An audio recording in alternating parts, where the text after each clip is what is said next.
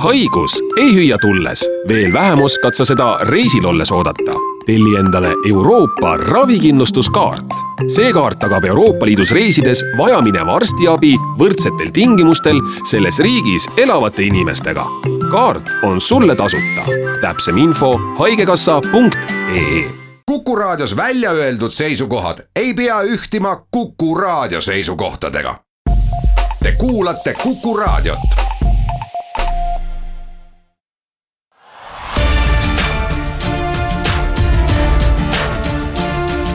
linnaveerand tere kõigile Raadio Kuku kuulajatele, mina olen Piret Päivrist ja Viljandi linnaveerand alustab.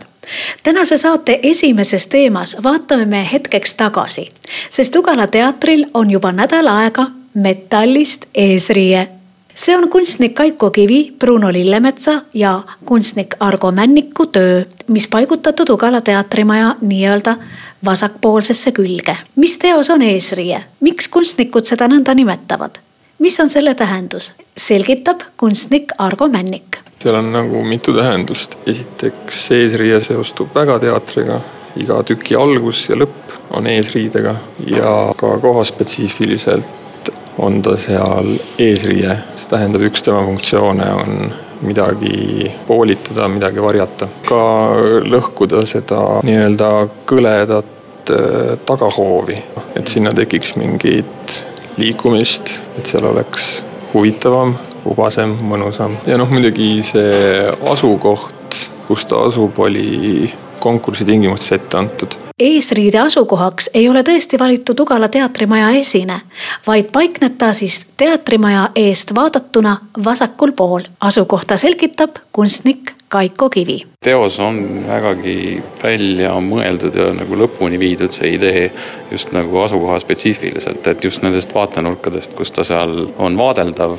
ja kus ta ei ole vaadeldav, sellele kõigele on mõeldud, et ta on täpselt selline, nagu ta on just nimelt selles asukohas. Aga kui kõrge see eesriie on? no kui nüüd rääkida ruutmeetritest, siis teos on kokku sada kakskümmend ruutmeetrit, kaalu on tal kümme tonni umbes. ja siin on kirjas ka, et kolm koma kolm meetrit kõrge. ja kolm koma kolm meetrit kõrge, nelikümmend meetrit pikk. ta on ajas hästi püsiv. ega ometi igavene? peaaegu, peaaegu öelda, et on igavene eesriie muudab ilmet, kui vaadelda teda eri nurkadest. Ja pimedal ajal lisanduv valgustus toob esile eesriide nii-öelda rütmilisuse. rütmilisus, ma arvan, on ka meie saate järgmises saatelõigus ja teemas. Sest Viljandi Kondase keskuses on vaadata suurepärane näitus Viljandi motiiv klassikalises kunstis võimsaks ja isegi haruldaseks teeb näituse juba see, et varem pole Viljandi motiiv kunstisaalides nii võimsalt haruldaste kunstiteostega nii-öelda kokku saanud. praegune näitus eksponeerib kahesaja aasta jooksul kujutatud Viljandit jätkab Kondase keskuse juhataja ja näituse kuraator Mari Vallikivi. et see on umbes kahesaja aasta jooksul Viljandi kujutised ja lõpetame selle tuhat üheksasada kaheksakümmend kaheksa ja muidugi ka mahuliselt oleme kuidagi piiritlenud näituse kõige intrigeerivama maali autorit ei olegi teada no minu jaoks on kindlasti üks intrigeerivamaid teoseid praeguseks siis tundmatu autori teos, mida ilmselt võib dateerida kaheksateistkümnenda sajandi päris lõpuosaga või üheksateistkümnenda sajandi algusega.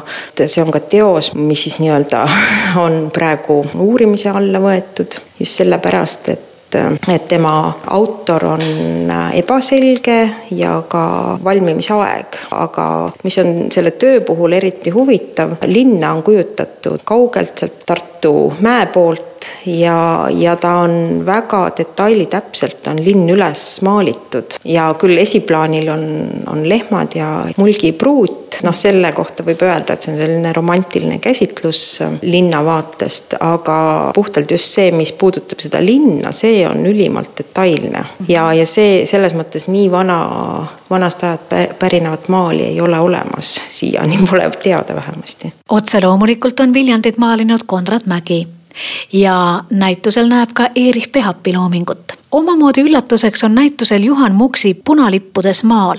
jätkab Mari Vallikivi. noh, muidugi teadupärast oli tema puhul siis tegemist ju tellimustööga, kas oktoobrirevolutsiooni mingisuguse aastapäevale tehtud äh, kujutis Viljandist, kus siis inimestel on punalipud, kusjuures need punalipud on, on sellised voogavad. kui me ei teaks, et nad on punalipud, siis isegi ei võiks arvata seda. ta on väga vabalt seda nii-öelda käsitlenud ja, ja, ja tegelikult, mida ta on veel teinud know huvitavalt, et võimatu on äh, kindlaks teha seda reaalset kohta, kus siis see kogunemine punalippudega on toimunud, sest sellist kohta tegelikult Viljandis ei ole olemas et ta on lihtsalt moe pärast pannud sinna Viljandi veetorni ülesse nurk, väga huvitav töö. just sellepärast, et ja aastal kaks tuhat seitseteist pakub ta filosoofilisi arutlusi. jaa, kindlasti, minu arust on nagu üks äh, ja omapärasemaid töid kindlasti siin sellel näitusel. näituse harulduseks, mille pärast tuleks seda näitust veelgi esile tõsta ja vaatama tulla, on baltisaksa kunstnike maalid, mis kujutavad Viljandit.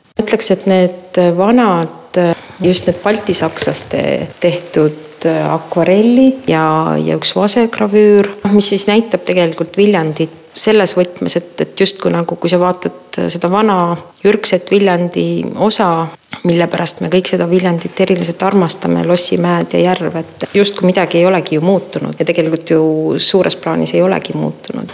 võib-olla on see ka baltisakslaste omalaadne kummardus Fellinile ehk kunagisele linna nimele. kindlasti, aga jah, see oli nagu kantud rohkem siis sellest romantismi ihalusest ja, ja varemed läksid moodi ja kõik kõik see ideoloogia, mis seal taga oli. kui baltisaksa kunstnike töödes on näitusel Viljandi romantilisem pool, siis näituse koostamisel pidi kuraator ja Kondase keskuse juht Mari Vallikivi tõdema, et Viljandi tööstusmaastikku polegi klassikalises kunstis eriti kujutatud. mis on kummaline, et, et sellist nagu nõukogude aegset seda koledamat osa Viljandist, nii-öelda tööstus kaasaegsemat osa, et, et seda ei ole keegi tahtnud väga kujutada näituse Viljandi motiiv klassikalises kunstis, mis siis vaadata Viljandis Kondase keskuses. vanim eksponeeritav näide on tundmatu autori maal Christopher Broose kogust, kus kujutatakse Jaani kiriku ümbrust ja dateeringuks on sellel maalil aasta tuhat kaheksasada kunstiklassika näituse Viljandi motiivist lõpetab aga Raul Rajangu ikooniline teos Raul Rajangu ja tema abiliste saabumine Viljandisse. Nende nii-öelda vahemikku jäävad näiteks Karl Unger Sternberg, August Mattias Haagen, Johan Köhler, Juhan Kangilaski, Erich Pehap, Endel Härmi ja paljude teiste Eestimaal tegutsenud kunstnike tööd nii palju siis kunstiteemadest, aga eeloleval reedel ehk kahekümne teisel septembril on Viljandi Pärimusmuusika Keskuse hooaja avakontsert, kus vaatajate ette astub ansambel Troitsa Valgevenest. tänavuse hooaja nii-öelda programmiohje on hoidmas Merike Paberits, kes annab mõista, et tänavust hooaega võiks nimetada ka põlvkondade vahetumise hooajaks. ja siit jätkab Merike Paberits ma isiklikult olen andnud võimalust just sellistele uuematele koosseisudele tulla siis avalikkusele rohkem lähemale. no kes näiteks tulevad nii-öelda kasutades sinu äh, sõna avalikkusele rohkem lähemale. pesades näiteks mängivad siis noored etnomuusikud, Estbel on minemas tiirutama pesadesse, Rüüt ja Rüüdiga me paneme kaasa ka ühe väga värske koosseisu nimega Kirju, mis siis on ka leid sealtsamalt äh, noorte pärimusmuusikabändide võistluselt. mis ansambel see on? see on kolmest viiuldajast koosnev ansambel ja seal siis mängivad Helina Sommer, Juuli Kõrre ja Maria Mänd. noored tegijad, uued tegijad tulevad pärimusmuusikasse ja pärimusmuusika nii-öelda lavadele.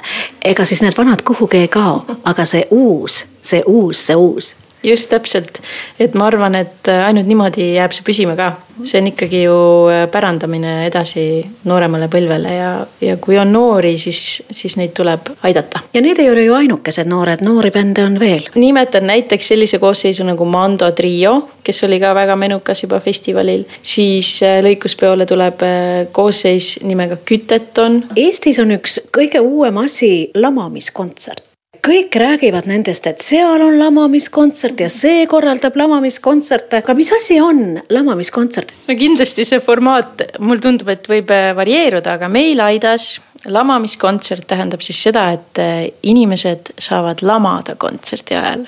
ja neil on loodud selleks väga mõnus äh, hubase valgusega selline saal, seal on pehmed padjad, vaibad ja laval on siis muusikud. ja see muusika on ka valitud pigem selline, mis toetaks rändama minekut. et, et meil jah, astuvad üles näiteks Mirjam Talli ja Meelika Hainsoo oma Unejõe projektiga, siis üks äh, akadeemia vilistlane Lee Taul tuleb, teeb väga vahva kava metsast ja Kuldne Malva on ka sel hooajal mängimas selles formaadis. otse loomulikult on tänavusel hoo-, tänavusel hooajal kavas ka Rahvamajade tuur ka see tuur pakub üllatusi juba oma kohavalikutega. ja meil on see plaanis ka sellel sügisel ja sihtkohaks on seekord valitud Lääne-Eesti ja saared, et me lähmegi kohe täitsa kodust ära nädalaks ajaks ja selle meie all ma mõtlen siis lisaks endale ja projektijuhile tulevad kaasa muusikud Eeva ja Villu Talsi ja vanema generatsiooni esindajana siis Ants Taul. selline vahva nostalgiline tuur see saab olema. see toimub seitsmendast kaheteistkümnenda novembrini. kõike seda, milliseid kontserte ja ettevõtmisi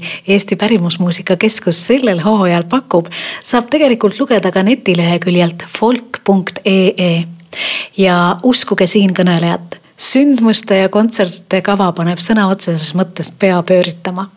aga peapööritust mitte arvesse võttes on siiski tänase Viljandi linnaveerandi saateaeg lõppemas mina olen saate toimetaja Piret Päiv-Rist ja me kohtume teiega taas kahe nädala pärast. seniks aga kõike kaunist ja kuulmiseni.